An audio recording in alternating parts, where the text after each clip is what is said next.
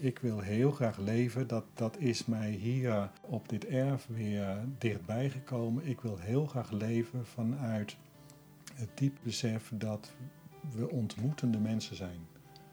Uh, en dat de ander en het andere, uh, ook de dieren, dat ze uh, tot mij spreken en dat ik terug kan spreken. En dat is fundamenteel anders dan gebruiken of iets willen bereiken of doelgericht interveneren. Ontmoeten is een open midden laten bestaan waarin dingen kunnen gebeuren die ja, de verrassing hebben van een gedicht, zeg maar.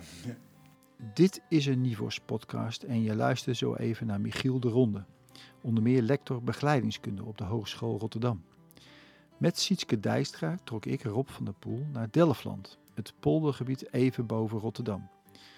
Om samen te ontdekken dat de vraag naar thuis een hele relevant is in een wereld vol ontheemding, op plekken waar onze menselijkheid naar de achtergrond verdwijnt, in onderwijs en zorg. En wat ik wel om me heen meen te zien, is dat dat thuisgevoel in veel beroepen onder druk staat. Hier in deze kamer uh, waarin we nu zitten, ontvang ik ook regelmatig uh, medici die reflecteren op hun beroepen. En ik zie bij hen toch eigenlijk ook veel worsteling om zich thuis te blijven voelen in hun ambacht. Mhm. Omdat er uh, zo'n grote, ja, niet alleen registratieplicht en druk is, mhm. maar daar ook meekomende uh, objectivering en ook nog wel competitisering, zeg maar. Hè. Dus die dan de zingevende ontmoeting met de patiënt als het ware in de weg staan of onder druk zetten. In deze technocratische tijd raakt de ziel in het leven achterop, zo hoor je in de verhalen van Michiel en Sietske terug. Niet alleen in onderwijs, zorg en ander intermenselijk verkeer, maar ook in het contact met dieren, de natuur en de dingen. Het delen van de wereld met de dieren, en dus niet alleen gedomesticeerde dieren, maar ook dieren die hier een thuis kiezen, ja, dat heeft een grote, een grote schoonheid. Ja, dat doet iets met mijn mens zijn, zeg maar. Dat maakt mij ook geaarder en minder tot een bezitter, minder tot iemand van wie de aarde is. En meer tot een soort medebewoner met andere bewoners van, van de aarde, zeg maar. Een vreemde thuis, thuis in den vreemde, was de titel van de bundel die Sietske Dijkstra in 2014 zelf al eens samenstelde. We begeven ons in steeds meer werelden tegelijkertijd, geografisch, sociaal-cultureel, economisch, professioneel en persoonlijk. Ons thuisgevoel is aan de wandel. Welke gewoonten en vaardigheden hebben we nodig om wereldburger te zijn, maar ook een thuis te vinden en niet vervreemd te raken? Michiel, dat open midden waar jij het over hebt gehad, dat is denk ik ook in het thema van thuis ook zeker iets. En de bezieling en de bezieldheid van de dingen, van de dieren, van de planten, van het leven.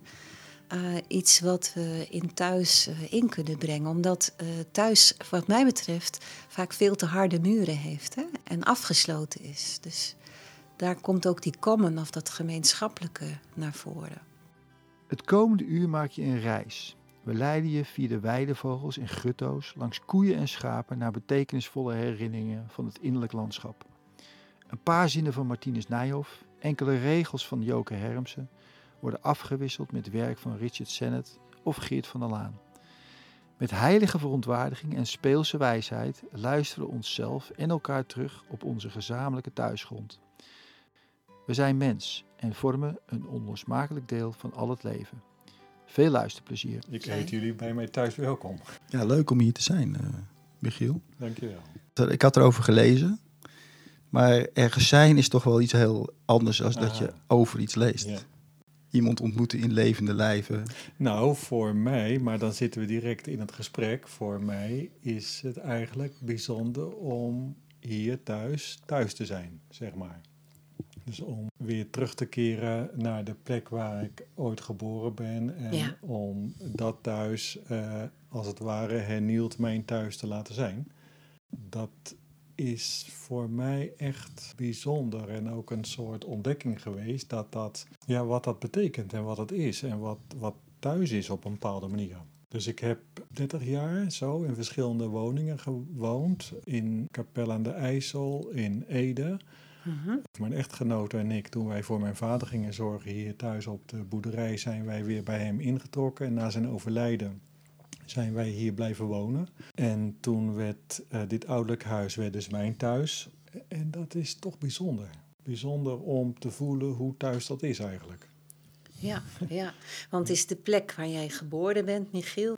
Maar het is eigenlijk een plek die ook al voordat jij geboren wordt een familiegeschiedenis heeft. Aha, ja, dat is waar. Want eh, dit huis, deze boerderij hier in de polder tussen Schiedam en Delft, die is gebouwd door de grootvader van mijn grootvader. Of die heeft het laten bouwen. En eh, hij was volgens de stukken eh, chirurgijn en vroedmeester hier in het naburige dorp, Ketel en Spaland. En een van zijn kinderen wilde boer worden. En Mhm. voor hem heeft hij een boerderij laten bouwen. En die eerste bewoner was dus de vader van mijn grootvader. Ja. Ja. En dan hebben we het over 1800. Zo 1875, dus over een paar jaar, dan zouden wij hier het 150-jarig bestaan van deze woning, als de woning het haalt. Want hij zakt wel langzaam in het veen. Ja, En ja. sinds wanneer zit jij, eh, ben jij hier weer eh, gekomen? Eh, In 2013 zijn wij voor mijn vader gaan zorgen en hij overleed in 2017 en in 2018 zeg maar is met erfenis en, enzovoort, eh, ja, ben ik de eigenaar van, van deze woning zo. Hm. En we zitten eigenlijk gelijk in de thematiek eh, waarop eh Sietske de uitnodiging, of jezelf uitnodigde om in contact weer te komen met Michiel, die je al langer kent. En ook mij daarin mee te nemen. eh, Mhm. thuis zijn eh, en het belang daarvan en wat daar precies in gebeurt. Waar hebben we het dan over? En ook hoe het thuisgevoel kan verschuiven. Hè? Ik leerde Michiel kennen in de werkplaats Musisch Onderzoek, waar hij als lector ook was verbonden aan de werkplaats. Maar ik ontdekte een bijzonderheid, ik weet niet meer hoe het kwam of dat iemand mij dat zei. Michiel, jij bent dus een boerenzoon en ik ben een boerendochter. En ik schreef ooit in 2012 met een aantal vrouwen, samen met Lia van Doorn geredigeerd, verhalen op over die boerendochters. En wij noemden dat boekje Van het Erf af. En wat mij zo raakte aan Michiel, en toen ik met hem daarover in contact trad, namelijk dat hij heel lyrisch kan zijn en ook gewoon over schapen kan spreken en die kan vergelijken met mensen. Voor sommige mensen is dat vreemd, maar voor mij is dat heel natuurlijk. Maar dat eh, Michiel dus weer op het erf terecht was gekomen, terwijl ik juist die beweging van dat erf af had gemaakt. En eigenlijk concludeerden we ook in dat boekje, want ik had ook broers die bleven, dat eigenlijk ook al bleef je op dat erf, dat iedereen moest bewegen en iedereen verschoof. Dus dat thuis en dat thuisgevoel, dat schuift ook de hele tijd in ons leven, al naar gelang wat we meemaken en hoe we daarin staan. Maar wat we in dat boekje niet deden, eh, is, eh, we hadden het nog helemaal niet over de stikstof. En daarom wil ik graag een ervaring delen die ik in zou willen brengen in dit gesprek. Ik, ehm, ik ben geboren in, eh, in Friesland, in een klein dorpje. Eh, en ik ben het derde kind. En er kwamen na mij nog twee die ook op die plek geboren zijn. Maar mijn jongste zusje was eigenlijk nog zo klein toen we verhuisden dat zij niet goed wist waar het was. Dus vorig jaar, in deze eh, aankomende maand, september, een jaar geleden, liet ik haar zien waar zij geboren was. En wij gingen daar ook even een wandeling doen. En eh, ik, we stonden in het land en ik keek zo om me heen en ik draaide eigenlijk om mijn eigen as heel langzaam. En ik deed wat ik wel vaker doe. Ik telde de boerderijen. Er waren er 16 die ik zag. En ik zag in ieder geval vier of vijf met lichtboxenstallen. En ehm, die wandeling was wel bijzonder. Het was er ook heel kaal. Er was veel grasland. Maar het zou meer dan een half jaar duren dat ik op een concert van Nienke Laverman was. Met haar man Sietse, die ook muzikant is. En die ook een voorliefde heeft voor de fluitjes van vogelgeluiden. En op die avond eh, in Beeldhoven, in de Woudkapel, eh, gebruikte hij een fluitje en dat was de grutto. En ineens voelde ik een grote pijn en een verdriet. Want ik realiseerde me met terugwerkende kracht, wat mij toen was ontgaan in september, dat ik geen enkele weidevogel meer had gehoord. En dus de noodzaak werd groter om met Michiel over dat erf te spreken en over die traditie waar je uit stamt, maar ook over de vraag: hebben we eigenlijk een groene doodsheid gecreëerd met dat wat er zo prachtig aan de buitenkant uit kan zien, maar wat eigenlijk door de stikstof ook verstikte grond is geworden? En hoe zit dat eigenlijk met onze luchtkwaliteit? Wat doen we daarmee? Hoe kan het dat wij zo laag in de wereld eigenlijk in de rangorde staan als het gaat om de luchtkwaliteit? De Benelux schijnt het meest vervuilde te zijn. Ehm, dus dat thuis, dat wringt ook. Dus mijn kindherinneringen en, en die verdwenen weidevogels, maar dat is maar één voorbeeld. Mhm. Dus dat zou ik jou heel graag willen voorleggen, Michiel, omdat jij zo lange spannen hebt en nu weer thuis op je erf bent. Hoe is dat thuis voor jou nu? En is dat ook heel erg veranderd bij toen jij een kind was en hoe jij dat in de loop der tijd hebt ervaren? Ik vind het heel uh, boeiend wat je zegt en dat je de insteek uh, zoekt en vindt bij vogels, die overigens denk ik ook weer een hele bijzondere vorm van thuis hebben. Zeker die trekvogels, hè, zoals schutto's en zwaluws. Elk jaar als ik de koekoek hoor, de eerste keer hier, de koekoek. Eh, dus elk jaar is weer een eerste keer, zeg maar, als hij weer terug is. Ja. En uh, hij, die koekoek, die geeft ook een gevoel van thuis, van, van, van er zijn. En, en uh, dat geldt ook voor de roep van de grutto. En als ik dan in het weiland ben, dan ben ik weer even uh, jong kind. En dan haal ik de koeien voor mijn vader, omdat ze mhm. gemolken moeten worden. Mhm. En het kwam voor dat ik bukte, omdat de kievieten over mijn hoofd heen scheerden. Uh, omdat ze hun nest verdedigden. En uh, ja, dat heeft zo'n schoonheid en zo'n verbondenheid van mens en natuur. En uh, ik ben altijd weer heel blij als ik daar iets van ervaar en iets van, uh, van voel nu in mijn volwassenheid. Mm -hmm. En juist uh, gisteravond stak mijn echtgenote haar vinger op en zei: Hoor je hem? En het kerkuiltje was weer teruggekeerd en zat op de nok van ons dak het delen van de wereld met de dieren. Ja. Uh, en dus niet alleen gedomesticeerde dieren, maar ook uh, dieren die, die hier een thuis kiezen. Ja, dat heeft een grote, een grote schoonheid en maakt mij als mens eigenlijk, ja, dat doet iets met mijn mens zijn, zeg maar. Dat maakt mij ook geaarder en minder tot een bezitter, minder tot iemand van wie de aarde is en meer tot een, soort medebewoner met andere, ja, andere bewoners van, van de aarde, zeg maar. Dus, dus het is wat anders uh, als de schapen die aan de overkant staan op, op land wat... Ach ja, ik weet niet of ik dat zo in deze podcast kan zeggen. Het landschap dat is uh, onteigend door de gemeente op een gegeven moment. Ik geloof eigendom is geworden van staatsbosbeheer of natuurmonumenten, dat weet ik niet precies. Maar het is een soort gemaakte natuur geworden, zeg maar. En met een, romantische schoonheid, uh, met bruggetjes en water en riet. En uh, dus de productieve landbouw voorbij en nu uh, ja, natuur voor openbare natuur als, als een soort groene strook tussen verstedelijkte gebieden. En daar graast ook een, uh, een schaapskudde. Uh, die wordt beheerd door goedwillende vrijwilligers. Uh, maar eigenlijk is het toch ook zichtbaar dat die schapen van niemand zijn of van velen zijn. Mm -hmm. Ja. En waar dan merk je dat? Nou ja, dus, dus als wij zien dat er met een van die schaapjes iets aan de hand is, dan bellen wij naar de beheerder om te zeggen: heb je dit en dit opgemerkt of heb je dat en dat gezien? En uh, op zich is dat natuurlijk ook deel zijn van het geheel. Hè? Dus, dus je zou ja. kunnen zeggen dat wij ook mede-eigenaar zijn ja. van die kudde. Uh -huh, uh -huh. En dat het een soort deel is van de gemeenschap. Maar uh, ja, toch is het anders dan onze eigenschappen, die allemaal een eigen naam hebben en Mhm. die we ook bij naam kennen. En ja, dus, dus dat is anders. Mhm. Ja. Ja. Ja, ja.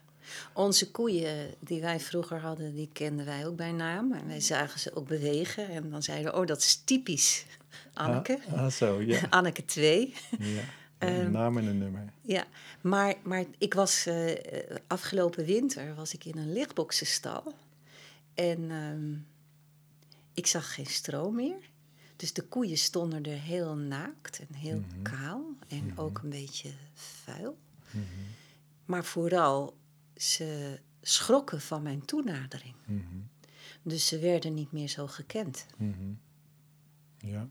ja, dus dat, dat leven eh, van mens en dier samen en de min of meer vloeiende overgang van deel zijn van de natuur, eh, eigendom zijn van de aarde en de natuur in eigendom hebben en de aarde exploreren en exploiteren.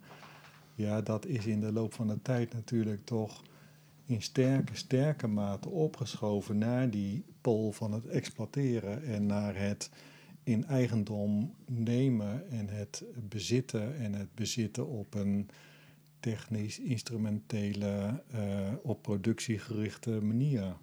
Ja. Een soort verzakelijking.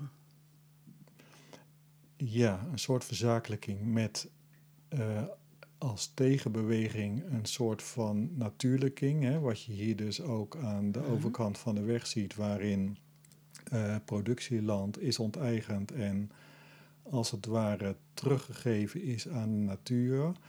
Maar eigenlijk, als ik kritisch ben, zie ik daar toch ook een ander soort van exploitatie in, namelijk eh, dat eh, de stedeling ook eh, groen moet hebben om de hond uit te laten en te wandelen en te ademen überhaupt. En hè, dus, dus het is ook een soort redden van natuur voor onszelf op een bepaalde manier. Mhm. En onszelf, dan bedoel Mhm. ik mensen, mensheid. Ja. ja, Ja, ja. een ademruimte ook voor de stedeling. Zeker, ja. Ja. ja. Ik vond het wel, eh, wat jij net vertelde, dat, dat voorbeeld over die, eh, die koeien die eh, in lichtboxen eh, opgroeien en dan op een gegeven moment eh, door jouw aanwezigheid, eh, tenminste dat gevoel kreeg je dat, ze, dat je over en weer elkaar bij wijze van spreken niet meer herkent. Dus een soort schrik, schrik kan ontstaan. Het, het is die vraag van, eh, van eh, Joke Hermsen, die als filosoof dat, dat ook aanraakt, het thuis en het vreemde. En de centrale vraag, wie ben ik als het ware, eh, die we allemaal, waarmee we op weg zijn, zeg maar. Maar ook de vraag, en wie herkent mij als degene die ik ben? Dus de herkenning en erkenning van elkaar, dat dat, eh, dat, dat dan aangeraakt wordt. Hè? Zowel aan, aan, aan de eigen menselijke kant, maar ook de dieren die bij wijze van spreken bevreemd raken van wat ze dan op hun weg tegenkomen Mhm. Het belang van het, het herkennen van, van elkaar. Ja, en, en misschien ook de voorwaarden die daar aangesteld worden om te kunnen herkennen en erkennen. Want dan kom ik eigenlijk op dat begrip. Michiel zei het net al over die schapen. En eigenlijk de commons, dus dat is eigenlijk gemeenschapsgebied geworden, door de gemeente eigenlijk naar zich toe gehaald. Dus eh, Michiel heeft mij heel erg geraakt met een, met een stuk waar we straks vast nog over komen te spreken als het over zijn werk gaat. Maar hoe zijn vader onteigend werd van de grond. Dus wat eigenen wij ons toe en waarvan raken we onteigend? En wat ik eigenlijk denk ik in dat voorbeeld van de koeien zag, en het was niet de eerste keer dat me dat opviel, maar dat koeien dus minder bij de naam genoemd worden, minder aangeraakt worden, minder contact is. En dat de koeien eigenlijk schuw waren geworden voor de mensen. Ze waren ons meer ontwend. Ja. Ze waren daar misschien ook meer aanwezig voor mijn beleving als een productiemiddel. En eh, daarop voortbedurend zou ik dat idee van eigendom hebben en onteigend worden ehm, willen aanvullen ook met het idee van eigendom zijn van. Eh, en eh, je zou kunnen zeggen, een boer is eigenaar van de koeien, maar misschien is de boer ook wel het eigendom van de koeien. eh, zeg maar. Hè? Dus dat, dat die relaties wederkerig zijn. Ja. En Mhm. zo zou ik willen dat wij met elkaar naar, als ik het groot maak, naar de aarde kijken. Dat wij ja, op deze aarde mogen leven, maar ergens ook deel zijn van die aarde en eigendom zijn van die aarde. En ook bereid moeten zijn om, om weer naar die aarde terug te keren of zo. Of, of, eh, eh, dus ergens dat idee van dat we de dingen eh, kunnen pakken en in eigendom kunnen nemen en kunnen zeggen eh, dat is van ons, dat is van mij. Eh, het feit dat ik hier mag wonen op deze woning van mijn voorgeslacht. Ja, daarvan kan ik natuurlijk zeggen dat is mijn woning en mijn erf. En dat zeg ik ook, maar tegelijkertijd ben ik ook van deze woning en ben ik ook van het erf. En ervaar ik het ook als een soort opgave om de erfenis die ik heb gekregen weer te bewaren en door te geven, zeg maar. En daarmee ja, ben ik ook eigendom van die, van die lijnen, van, Mhm. van die geslachten. Mhm. Wat mooi, die wederkerigheid. Beschouw je Michiel je dan ook als een soort rentmeester op deze plek? Nee, ik beschouw me niet als rentmeester. Nee. Nee, dat is voor mij te veel gekoppeld aan het financiële, het beheren, het renderen. eh, het, eh, nee, dus, dus eh, ik beschouw me. Ja, hoe beschouw ik mezelf? Het woord bewaren Mhm. is, een, is, is daar misschien een. een ik bewaar iets. Mhm. Ja. En, en je bewaart het, maar heb je ook iets hersteld door terug te keren? Voor, voor mij, ik ben van de boerderij weggegaan Ja. en die boerderij is ook afgebroken. En ik heb een broer die daar een ander eh, ja, boerderette neer heeft gezet. ja. Ehm, maar ik keer eigenlijk graag terug. Ik banjer graag eh, buiten. ja. Dat zijn eigenlijk mijn meest gelukkige momenten. En ik denk dat ik daarmee die oude verbinding die ik ken van de boerderij herstel. Mhm. Ja, Dus in mijn leven breng. aha, dat, dus voor mij persoonlijk geldt, en dat is eigenlijk een soort wonderlijkheid die ik ook niet helemaal kan duiden en kan pakken. Maar ik heb in een vijftal woningen gewoond en dat waren allemaal woningen die mijn thuis waren. Eh, maar op een of andere manier, nu slaat de klok. Ik weet niet of dat ook eh, hoorbaar is Zeker. op de podcast. Mooi. Maar als ik deze eh, klok hoor slaan, dan ruik ik de kamer van mijn grootmoeder van moederskant. nou ja, even terzijde. Ja. Eh, maar ehm, eh, dus op een of andere manier is, is er in mij iets hersteld, zeg maar, of, of opnieuw geaard toen ik hier weer terugkeerde. Ja. Ja. Ik herken dat wel toen ik uit de stad vertrok, uit de stad Utrecht. Ik woon er wel dichtbij, maar ik woon er niet meer in. Mhm. Dat ik eigenlijk die herinneringen, die belevingen, die natuurlijke verbinding weer meer Mhm. terugvond. En ook dacht, hoe heb ik in godsnaam zo lang in de stad kunnen leven Aha, ja. en dat allemaal weggedaan Ja. of weg laten vallen. Ja. Een beetje als deze ervaring met de vogels, dat ik dus Oh. het geluid van Sietse, de man van Nienke Laverman, nodig had Ja. om te beseffen wat ik miste. Nou, ik besefte zelf eh, de rijkdom eh, waarin ik leef weer extra door een eh, gesprek met een studente uh, die met haar vader ooit uh, naar Nederland is gekomen vanuit Turkije. En uh, ik vertelde haar dat ik dus woon op een uh, erf waar mijn voorgeslacht ook woonde. En zij was zo ontroerd daardoor.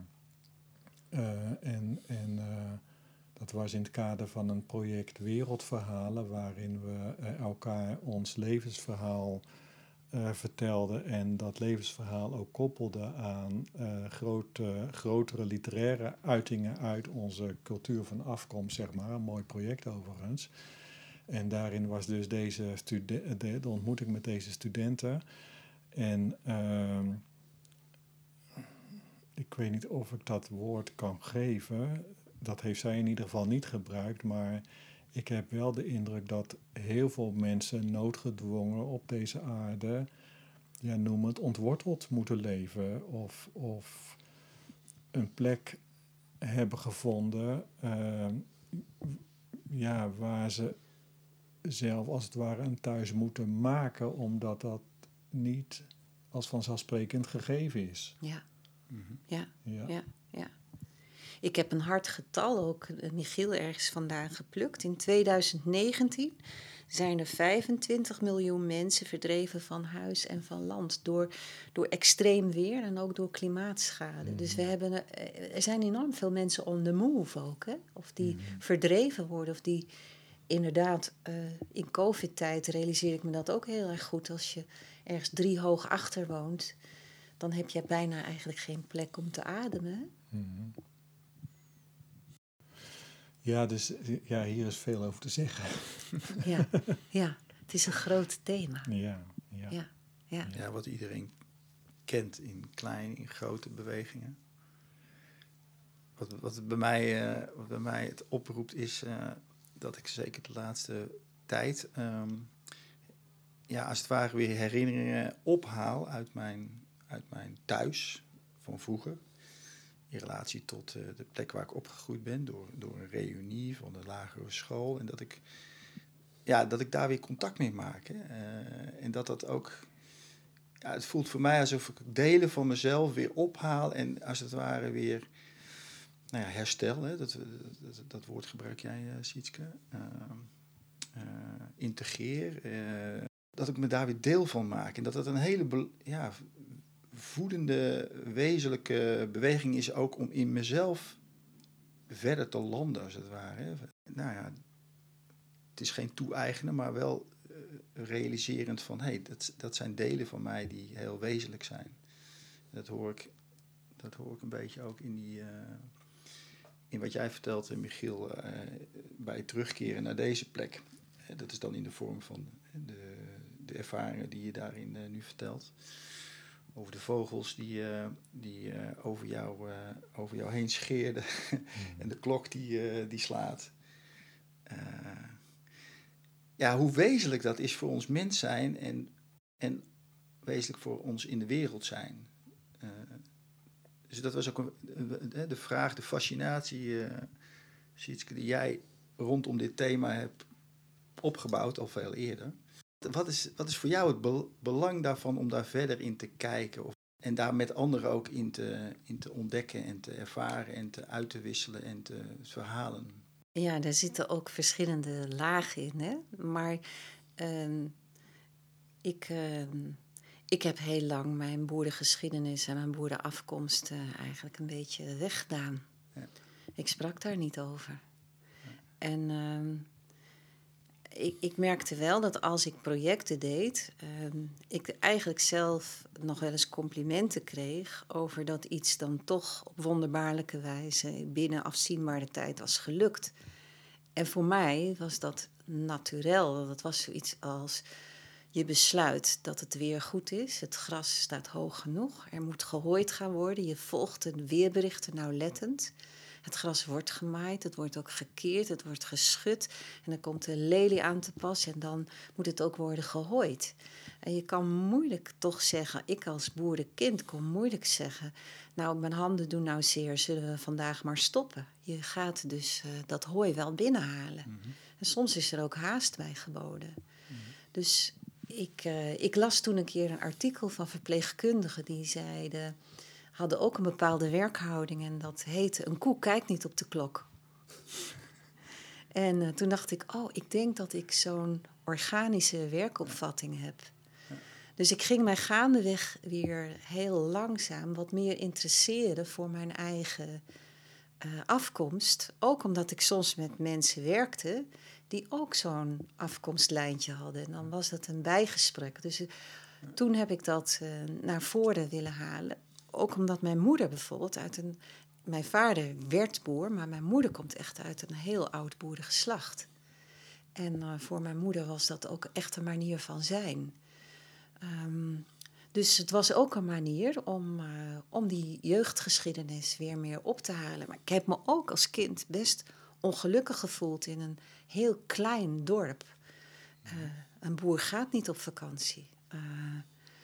Uh, ik vond het ook op een bepaalde manier soms heel benauwend. Dus ik heb ook heel bewust die stap gezet van dat boerenerf af breder. En toen ik dat in, in het redactiewerk van het boekje zag, toen wilde ik verder met die beweging. Want ik realiseerde me, migratie is aan de orde van de dag. Michiel zei het al, de weidevogels doen het ook. Ja. Dus, um, um, maar ook mensen. En, uh, en het kan dus ook een manier zijn om elkaar te bereiken door dit soort geschiedenissen wel meer uh, uit te pakken.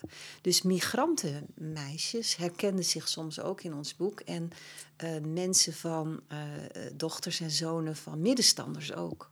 Dat klaarstaan voor iets wat groter is of wat mm -hmm. voorgaat. Wij zeiden dan achter gaat voor. Herken je dat trouwens, Michiel? Achter gaat voor? Achter gaat voor de, de gegeven orde van de dingen. De zon gaat op en de zon gaat onder. En uh, nu moeten in mijn geval bijvoorbeeld, zo eind augustus, begin september, moeten de peren geplukt worden.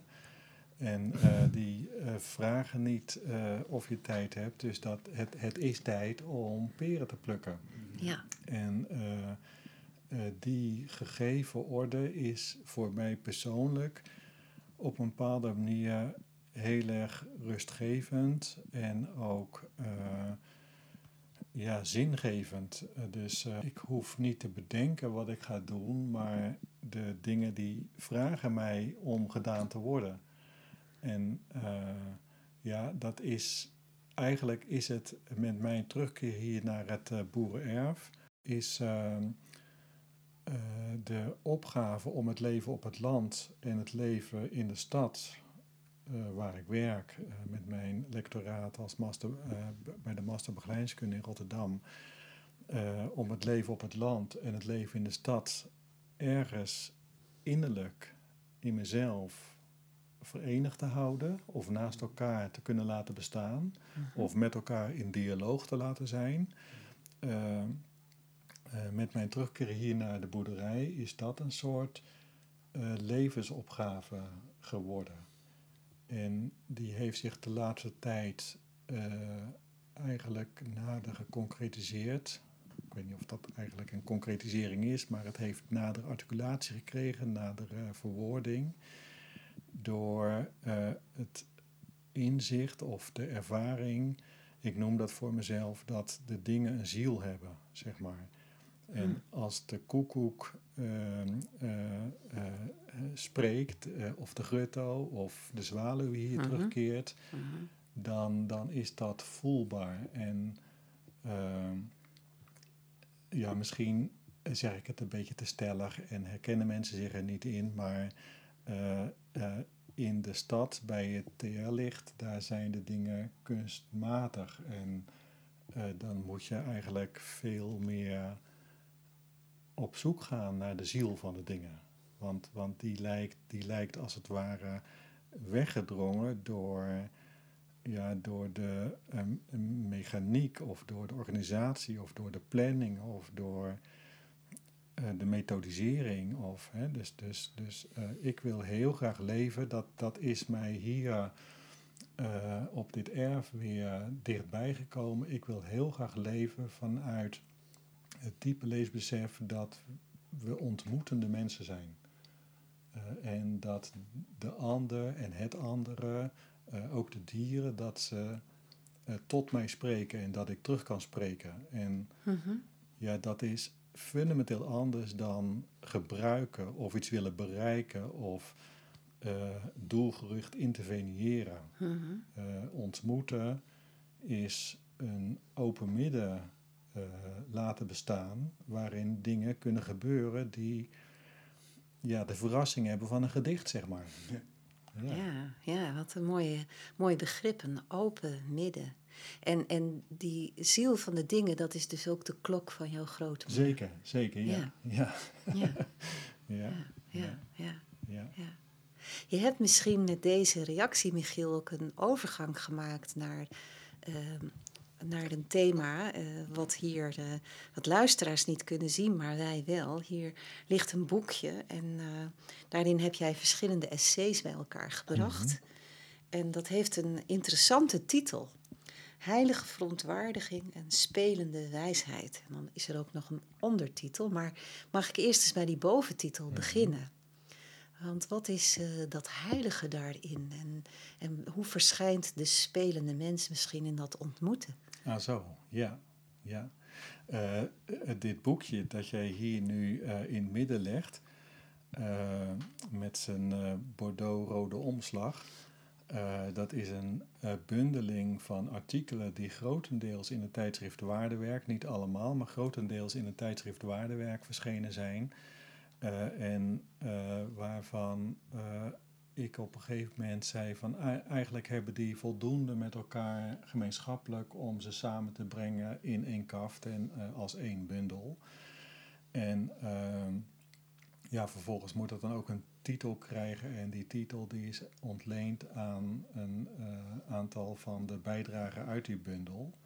Als ik dan inzoom op heilige verontwaardiging en spelende wijsheid, eh, dan het idee dat de dingen een ziel hebben. Misschien kun je het op een andere manier zeggen dat de dingen een intrinsieke waarde hebben. Dus dat ze niet alleen een waarde hebben omdat ze nuttig zijn of bruikbaar zijn of in dienst staan van een bepaald doel, maar dat het, het zijn van de dingen ja, een waarde aan zich is, zeg Mhm. maar. Dat is een diep besef bij mij. En, en, en dus als ik zoek ben, op zoek ben naar de ziel van de dingen, of, of dan, dan gaat het daar eigenlijk om dat de dingen bestaan omdat, omdat ze er zijn en dat is goed. En als dat aangeraakt wordt, als dat in het gedrang komt, als daar eh, ja, kwetsuur op optreedt, Mhm. of zo. Of dat, er, dat, dat dingen zodanig gebruikt worden, zoals misschien de koeien in de lichtboxerstal, dat ze alleen maar eh, productievee worden en niet meer in de ogen worden gekeken en niet meer bij naam gekend worden. Dus als het eh, dingen worden vanwege hun doelgerichtheid, ja, dan wordt er iets van die eh, waarde afgepakt. En dan zou je kunnen zeggen dat is een ontwaardiging. En Mhm. dan hebben we in het Nederlands hebben we een mooi woord, namelijk verontwaardiging. Dat, dat, ehm, eh, dus de reactie dat iets van waarde wordt aangetast, dat roept boosheid, dat roept verontwaardiging op. En eh, ja, als het dan gaat om wezenlijke dingen, dan heb ik de neiging om te zeggen, die verontwaardiging is, heeft een heilig karakter, omdat het gaat over iets wat er uiteindelijk toe doet, zeg maar. Mhm. Namelijk, in welke wereld leven wij eigenlijk? Mhm. Is dat een wereld van functionaliteit en instrumentaliteit, of is dat een wereld van menselijkheid en ontmoeting? Hè? Dus daar Mhm. zit men, Mhm. daar zit men. Mhm. eh, Het is dus ook de in. ontheiliging daarvan, de schending daarvan. Ja, dus als wij eh, de dingen eh, laten verworden tot iets om een nut, mensen, dieren, beroepen, Ja. dan, dan schenden we de dingen. Ja. Ja. Je doet me met dit, oh, deze opmerking ook denken aan eh Sennett, van wie ik veel heb geleerd. Ja. Die in die bakkerij in Boston dus eigenlijk ziet hoe mensen verbonden zijn met en trots zijn op de bakkerij, op het deeg en op het laten reizen daarvan. Ja. En het bakken van verschillende broden. En uiteindelijk verwordt dat tot, eh, tot het drukken op knoppen van machines die de broden bakken. Maar de binding met het brood verdwijnt. En dus daarmee ook de, de beroepsbevolking die dat doet, die, die verdwijnt ook steeds. Dus het wordt steeds, eh, steeds weer andere mensen die dat doen. En de waarde eigenlijk van dat brood hebben we eigenlijk daarmee ontwaardigd. Hè?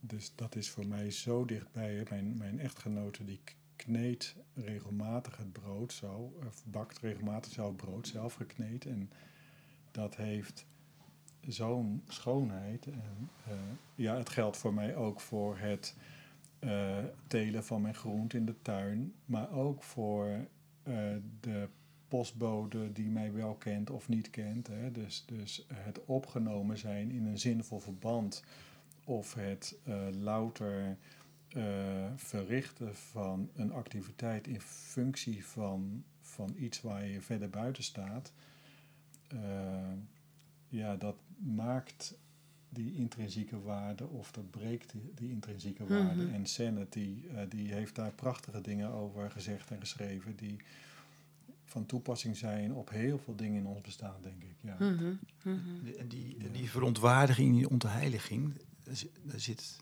wat mij betreft ook een hele lichamelijke kant aan. Het voelen, het, de gevoeligheid, waardoor je eigenlijk niet, nou ja, je, je kan wel verder, maar eigenlijk wordt er iets heel, nou ja, je, wordt je ziel aangetast als het ware.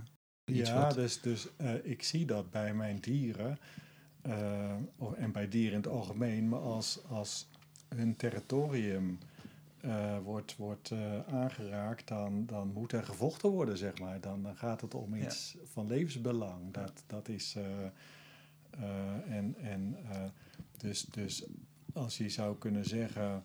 eh, eh, eh, boosheid beschermt datgene wat van waarde is. Ja, dat voel je aan de lijve. Ja. Mhm, Ja, mhm. ja. En, en eh, ik denk zelf ook dat het een opgave is om dat te voelen. Mhm. Hè, dus, dus Mhm. als ik eh, in een kantoorgebouw zit met witte meubels en helwit licht. En eh, ik voel mij een beetje niemand in die, in die context, dan, dan moet ik mijn boosheid daar ook over, zeg maar, die, die, lijf, die lijfelijke vervreemding. Ik Ja. denk dat het een opgave is om die toe te laten, om die te voelen, om die eh, niet, niet eh, te negeren, want Mhm. dan verdiept die vervreemding zich, zeg maar. Ja, Ja, Ja. Dus dat lijf doet mee. ja, ja. Ook trouwens in dat kneden van het deeg en dat bakken van Toch? het brood. Dus, m- maar ook in zoiets als maatschappelijk werk. Dus, dus hè, ik voel mij vaak een volgeling ook van Geert van der Laan, die dat ook prachtig heeft uitgelegd. Maar maatschappelijk werk is ambachtelijk, zegt hij, want dat doe je met je hele hebben en houden. Ja, eh, professies eh, behoren, als ik het zo mag zeggen, ambachten te zijn. Ja, Hè, dus de, als professie eh, gekenmerkt wordt door het feit dat er een wetenschappelijke oriëntatie is in je werk, dan hier komt een vliegtuig over, vliegtuig over van eh, eh, wat wij noemen 16 hoven. ja, En dat beschrijf ik ook in die bundel, dat er 16 boerderijen, boerderijen moesten wijken om een vliegtuig. Oh ja, is dat het een vliegveld verhaal? aan te leggen. 16 hoven. Ja. Ja, dus 16 hoeves, 16 hoven. Ah, ja. Eh, nu in onze internationalisering moet het eh, Rotter- Ro- eh, Rotterdam Die Hague Airport, of andersom, dat weet ik niet helemaal. Eh, dus ja, 16 hoven heeft eigenlijk nog een romantische Connotatie. connotatie, zeg maar.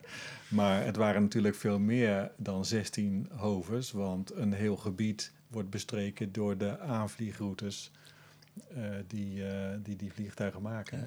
Ja, we- kijk, er ontstaat een soort glimlach ook in mij, maar tegelijkertijd, ik heb laatst het, het, het essay wat je, wat je hier ook recent over schreef, daar zit de pijn, die is, die is voelbaar eh, in, in het beschrijven van alle ontwikkelingen die, die als je daar contact mee maakt, hè, met jouw ziel Ja, en eigenlijk ook dus met mijn ziel, dat je dat kan voelen van jeetje. ja. Ja, ja, weet je, ik, je gaat er letterlijk, van- ga ik ervan zuchten. Ja. Ja. Ja, en de moed om dat te doen, zeg maar. Om dat niet weg te drukken, maar toe te laten. Eh, in mijn gevoel is dat de bereidheid om ja, deel te zijn van de aarde die zelf kraakt en zucht en koorts heeft. En, en, eh, Mhm.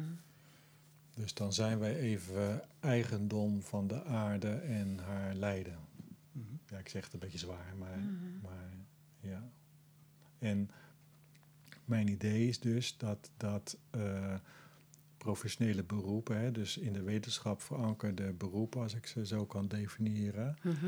eh, als die wetenschap het karakter heeft dat daarmee eh, de ziel, de persoon, de mens die dat beroep beoefent, als het ware wegdrukt en eh, het ja, instrumenteel uitoefenen van richtlijnen die evidence-based of wetenschappelijk bewezen zijn, ja, dan doen we iets met onszelf, dan doen we iets met de ander en dan dan valt de werkelijkheid uit elkaar, zeg maar. Mhm, mhm. En dan is thuis ver te zoeken. En dan bestaat thuis niet meer. Ja.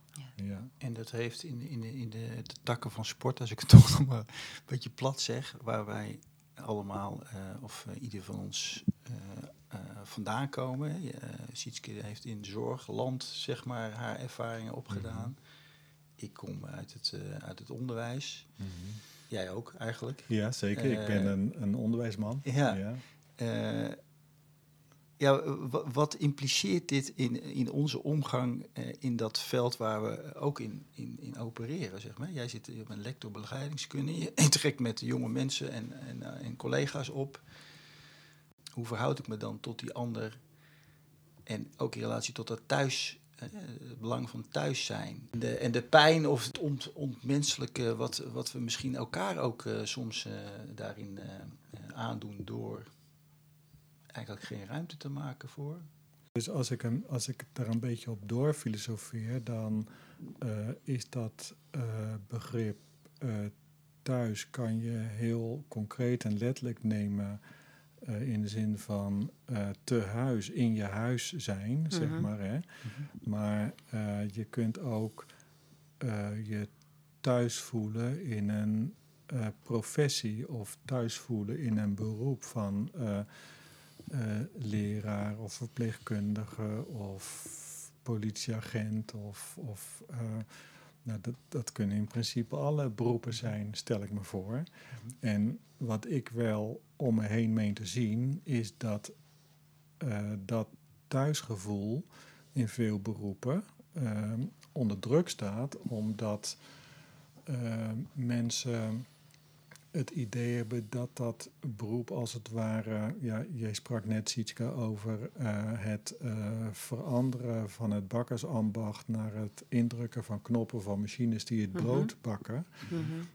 Hier in deze kamer eh, waarin we nu eh, zitten, ontvang ik ook regelmatig eh, medici die reflecteren op hun beroepen. En ik zie bij hen toch eigenlijk ook veel worsteling om zich thuis te blijven, in, thuis te blijven voelen in hun eh, eh, ambacht van geneeskundige zijn omdat er eh, zo'n grote, eh, ja, niet alleen registratieplicht en druk is, maar daar ook eh, meekomende eh, objectivering en ook nog wel competitisering, zeg maar. Hè. Dus dat, dat, dat, dat het ook gaat om, om competitieve prestaties die dan eh, de ontmoeting ehm, de zingevende ontmoeting met de patiënt als het ware in de weg staan of, of, of onder druk zetten. Ja. Ja, Zeker, ja, zeker. ja. Ja, Ja. dus dat, dat, eh, Dat open midden, dat verdwijnt. Ja. aha, ja. Ja, dus in mijn andere, een andere verwoording voor mij is dan dat eh, het eh, betekenisvolle eh, wordt tot eh, oorzaak-gevolg, zeg maar. Hè? Dus, dus eh, ik doe dit Mhm. omdat ik daarmee dat bereik. En dat is anders dan eh, dit heeft betekenis in zich. Is dat vaag als ik dat zo zeg? Nee, nee, ik, heb, ik sluit mijn ogen er even bij, omdat ik het laat doordringen. En ik denk dat dit inderdaad aan de orde is. Dus het verlies, wat, eh, eh, dat wordt denk ik ook in veel professies gevoeld. Mhm. En intussen stappen er natuurlijk ook weer jonge mensen in, die misschien ook in een andere modus al binnenstappen. Ook dat kan ik soms zien. En dus dat het vakmanschap ook niet meer zo geambieerd wordt door som, sommige professionals, die dat ook instrumenteler zijn gaan zien. En, eh, Ehm, misschien mag ik een gedicht voordragen van Martinus Nijhoff. Heel graag. Als, als, als, als mij dat zo lukt uit het hoofd. Hè. Eh, maar dat gedicht dat eh, heet De Wolken. Eh, en het gaat als volgt van Martinus Nijhoff. Ik droeg nog kleine kleren. En ik lag lang uit naast mijn moeder in de warme hei. De, de wolken schoven boven ons voorbij. Moeder vroeg wat ik in de wolken zag. En ik riep Scandinavië en eenden. Er gaat een dame, schapen met een herder. De wonderen werden woord en dreven verder. En ik zag dat mijn moeder met een glimlach weende. Toen kwam een tijd dat ik niet naar boven keek, hoewel de lucht vol van zware wolken hing. Ik greep niet naar de vlucht van het vreemde ding, dat met zijn schaduw langs mijn leven streek. Nu lig ik zelf met mijn jongen in de heide. Hij wijst mij wat hij in de wolken ziet. Nu schrei ik zelf en zie in het verschiet de wolken waarom mijn moeder schreide. Martinus Nijhoff. Ja, dit vind ik mooi. Zo. En liggen in de hei en naar de wolken kijken, Mhm. dat doe je niet om iets anders. Toch? Nee. Dat doe je daarom. Maar het heeft wel levensvormende betekenis. Ja. Als, het, als je het om, om die reden gaat doen, als, als moeder of als vader, dan maak je het stuk. En je doet het. Maar, Ja. Dus, dus de dingen doen om de waarde aan zich. Ja. Daarom heb ik ook zoveel ja, aarzeling gekregen bij mijn eigen vak waar ik ben opgeleid, de psychologie Mhm. eh, die graag de dingen in een functie wil onderzoeken. Hè? Dus welk gevolg heeft een glimlach, of welk gevolg heeft een compliment, of welk gevolg heeft een eh, kritiek. Of, en het heeft zijn waarde, maar vervolgens gaan mensen complimenten geven omdat complimenten werken. En dan, dat, dat werkt inflataar, dat werkt corrumperend, zeg maar. Dus, dus kunnen we het leven nemen als een gedicht, dat waarde in, dat, dat zoek ik. Ja. Ja. Reageer ik nou op jouw vraag eigenlijk? eh? Nou, voor mij wel. Ja. Nou, was het een vraag? of ja. jouw opmerking? Ja. Nou, nu je dit zo vertelt, zie ik mezelf gisteravond eh, in de nacht. eh, ik woon eh, in, een, in een camper, vanuit een camper leef ik. Ja. In de zomer en in het najaar. Ja. En ik zie mezelf eh, vanuit het, eh, de badgelegenheid teruglopen naar mijn camper. En ik, ik word echt nou ja, aangesproken door het prachtige licht wat zich tot mij kwam. De volle maan Ja. Ik- Vannacht. vannacht. Ja. Het is vandaag volle maan volgens mij. Ik weet het Mhm. exacte Ja. tijdstip niet. Maar hij scheen, eh, nou, hij stond aan de hemel en er was een wolken. Ja. Nou ja, wat jij net beschrijft, eh, Ja. doet zich zo eh, aan mij voor. En ik heb daar echt gefascineerd zien, ja, gewoon een tijdje zitten kijken. Ja. Naar dat schouwspel Ja. in, die, in, dat, in dat maanlicht. Ja. En die wolken. En, eh, en ja, he- heeft het nut? Het, het had in ieder geval voor mij. Het was een, s- een, een wonderschoon. eh, een wonderschone gebeurtenis waar ik zelf dus deel van ben ook. Hè? Dus dat, Ja, dat is ook de realisatie. Hè? Dus Ja. ik ben er echt, ik ben even naar binnen gegaan, ik ben weer naar buiten gegaan. Ik heb gewoon een tijdje zitten kijken en vanuit allerlei standen Ja. ben ik daarin gaan. En kunnen wij nu zo eh verpleegkundige zijn? Of kunnen wij zo leraar zijn? Of kunnen wij zo... Ja, wat dan ook, hè? Eh, dus, dus dat we daar zijn en dat het daar gebeurt. eh, en dan blijkt het later ja, zo van waar te zijn dat het, dat het, dat het, het leven meegaat. Dat, dat, Mhm. ja, Mhm. daar geloof ik in. Mhm. En daar wil ik in mijn master begeleidingskunde aan werken met mijn studenten, zeg maar. Hè. Dus dat het...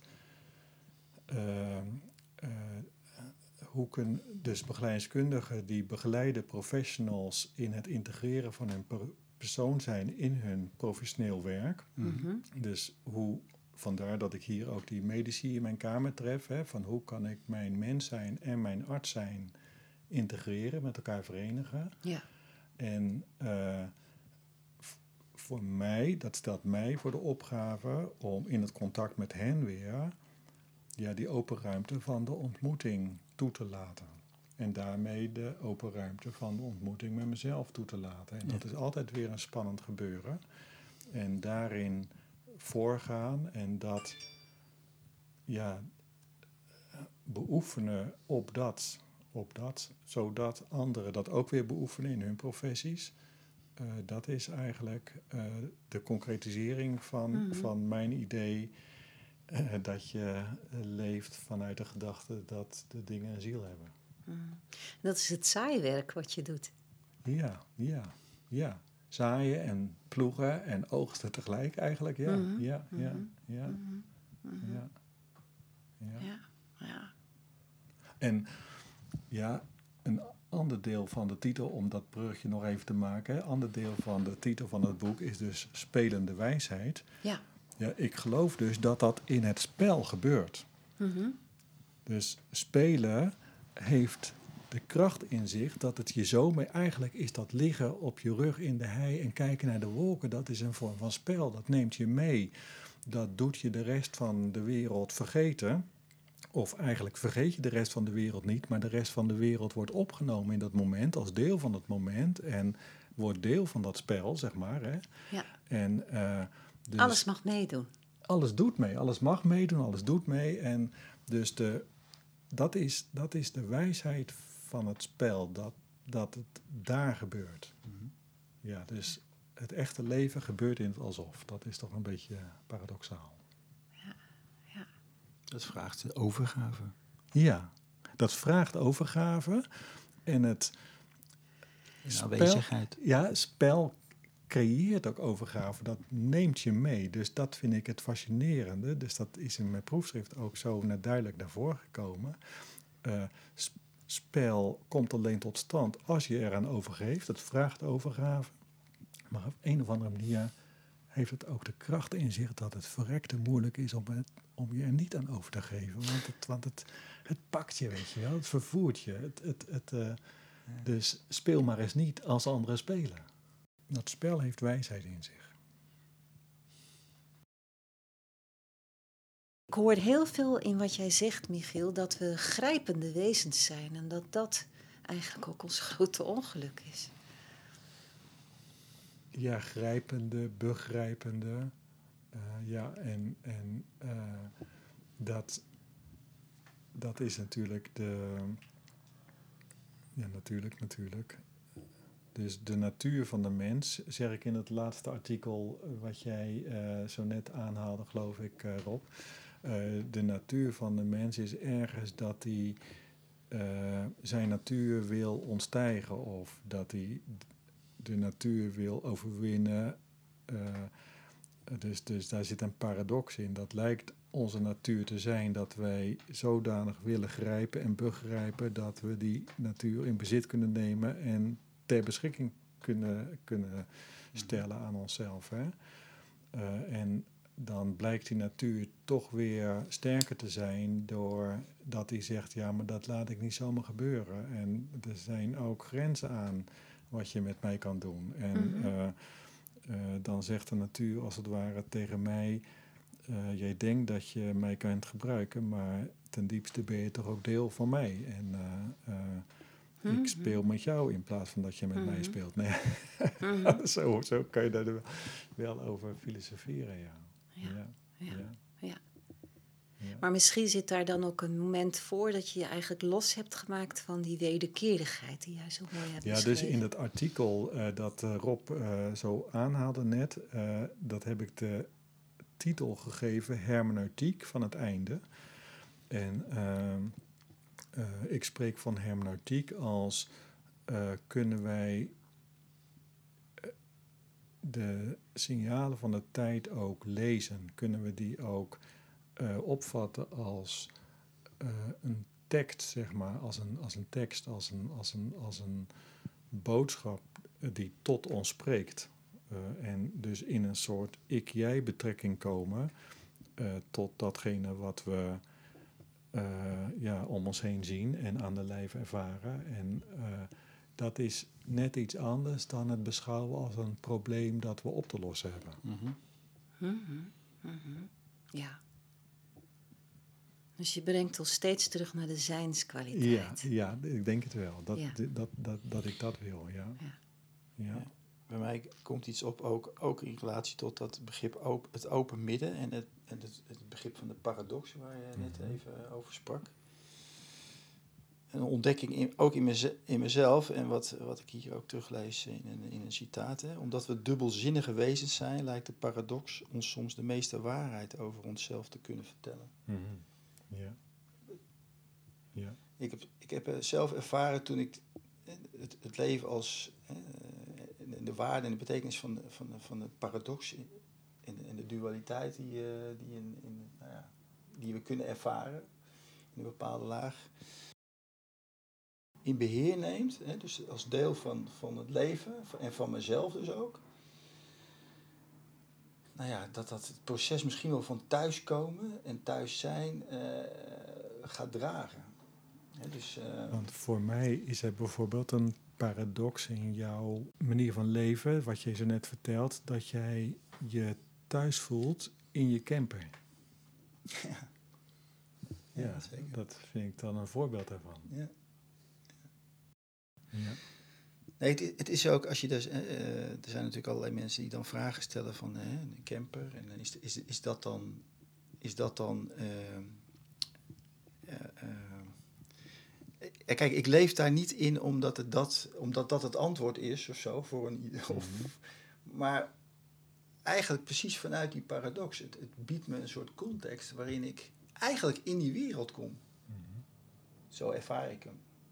Dus het is alles behalve een, een weg, weggaan van.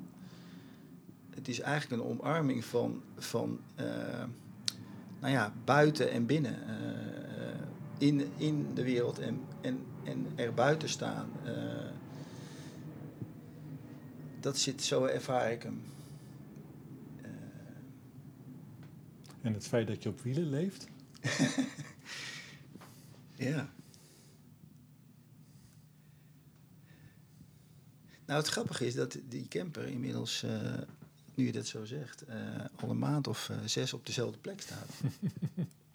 Mhm. En dat is ook niet zomaar, Mhm. het is ontstaan. hè, dat ik ervaar van, oh wacht even. Mhm. Het gaat me eigenlijk niet eens zozeer om dat ik alles maar doortrek. Dat, dat is het me niet om te doen. Want, maar ik ervaar iets van, hé, hey, ik, ik begin me eigenlijk te wortelen op de plek ook waar ik nu zit. En in de omgeving waar, ik, Mhm. waar ik nu al een tijdje in bivakkeer. Dus dat, dat proces vindt tegelijkertijd plaats. Die, die gronding en die... Mhm. Eh, in mijn idee, waar dat plak ik er dan op, hè, zo in dit gesprek, maar in mijn idee heb jij dus een context voor jezelf gecreëerd waarin je dat thuiskomen als het ware telkens weer opnieuw eh, uit te vinden hebt en vorm weer te geven en, en, en gestalte laat krijgen. Ja, ik denk dat dat, eh, dat dat aan het gebeuren is, ja. Ja, boeiend. Dus wat mij dat leerde, en dat hebben we ook eigenlijk een beetje geprobeerd te filosoferen en te omschrijven. Dat thuis is een realiteit, maar ook een metafoor. En het, het, je kan je ook in je huis helemaal niet eh, thuis voelen. Ehm, maar, maar thuis trekt zich dus ook uit en verschuift. En dus Rob met de camper is misschien ook wel in een verschuivend thuis bezig. En dat is een associatie die ik daarmee heb in hoe dat werkt. Maar het is wel heel fascinerend. We vroegen ook wel wat is de betekenis van thuis. En bijvoorbeeld een Servische jongen zei, een jonge man. eh, thuis is voor mij dat ik zit op de bank tussen mijn beide ouders in. Dus dat is een beeld, waar hij ook is, dat hij met zich meedraagt. Dus ook vluchtelingen interviewend over wat thuis voor hen betekent, levert hele sterke ankerpunten op van hoe zij zich daartoe verhouden. Een vrouw nam een, een stekje mee van de jasmijn. Eh, want, want in haar familie was het eigenlijk zo dat die sterke jasmijn, die zou overal ook weer kunnen wortelen. Dus dat werd een soort symbool voor nieuw thuis. En, en mensen zijn dus heel creatief en spelend hiermee. Ja. Ja, dus eh, eh, vogels bouwen nesten om eh, daar thuis te zijn. Ik weet niet of het nest een thuis is van de vogels, maar, hè, en, maar als mens staan we ook voor de opgave om een nest in onszelf te creëren ergens. Hè? Of zo Ja. In het leven te staan dat we dat nest als het ware ja, meenemen of scheppen daar waar we zijn en hoe we daar dan zijn en hoe wij met anderen zijn daar weer. Mhm. Ja, Ja. ja. Ja, toch nog even Joke Hermsen aan citeren. Die zegt dan thuis is dus niet alleen een ruimtelijke plek, maar heeft ook te maken met onze innerlijke huishouding. Zeker. Je kunt wel denken dat je thuis bent in een duur huis met mooie spullen, maar als je daar niet op zielsniveau wordt aangesproken, ben je eigenlijk dakloos, Ontheemd. Ja. ontheemd. Hm. ja. Dus laten we ons zelf nog aanspreken op dat niveau en hoe kunnen we elkaar daarop uitnodigen. Ja, en elkaar zo tegemoet treden dat, eh, de, dat daar, ja, dat is allemaal een beetje filosofisch gezegd natuurlijk, maar dat we daar dan ook weer het thuis in die ontmoeting creëren. Dat, dat de ander eh, de erkenning krijgt iemand te zijn. Ja. Zo, Mhm. hè? En herkend te worden. En erkend, herkend te worden, ja. Mhm. Ja, gekend te worden. Ja. Ja. Ja. Ja, Ja. eigenlijk best eh, een filosofisch gesprek zo. Ook nog. Ja. Ja, ja. Ja, Is er nog iets, Michiel, wat jij nog naar voren wil brengen in dit gesprek? Of nog wilt benadrukken?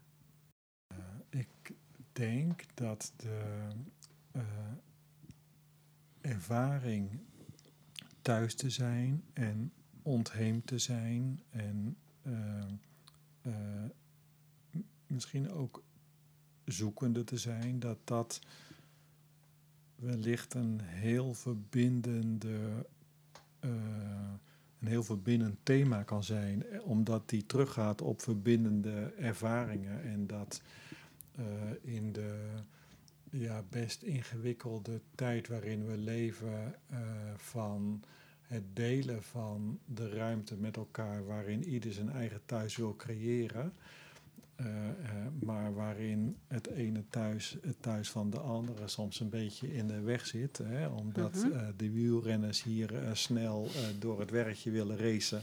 Mhm. Maar ja. de boerenstand met de grote landbouwvoertuigen ook hun ruimte opeisen.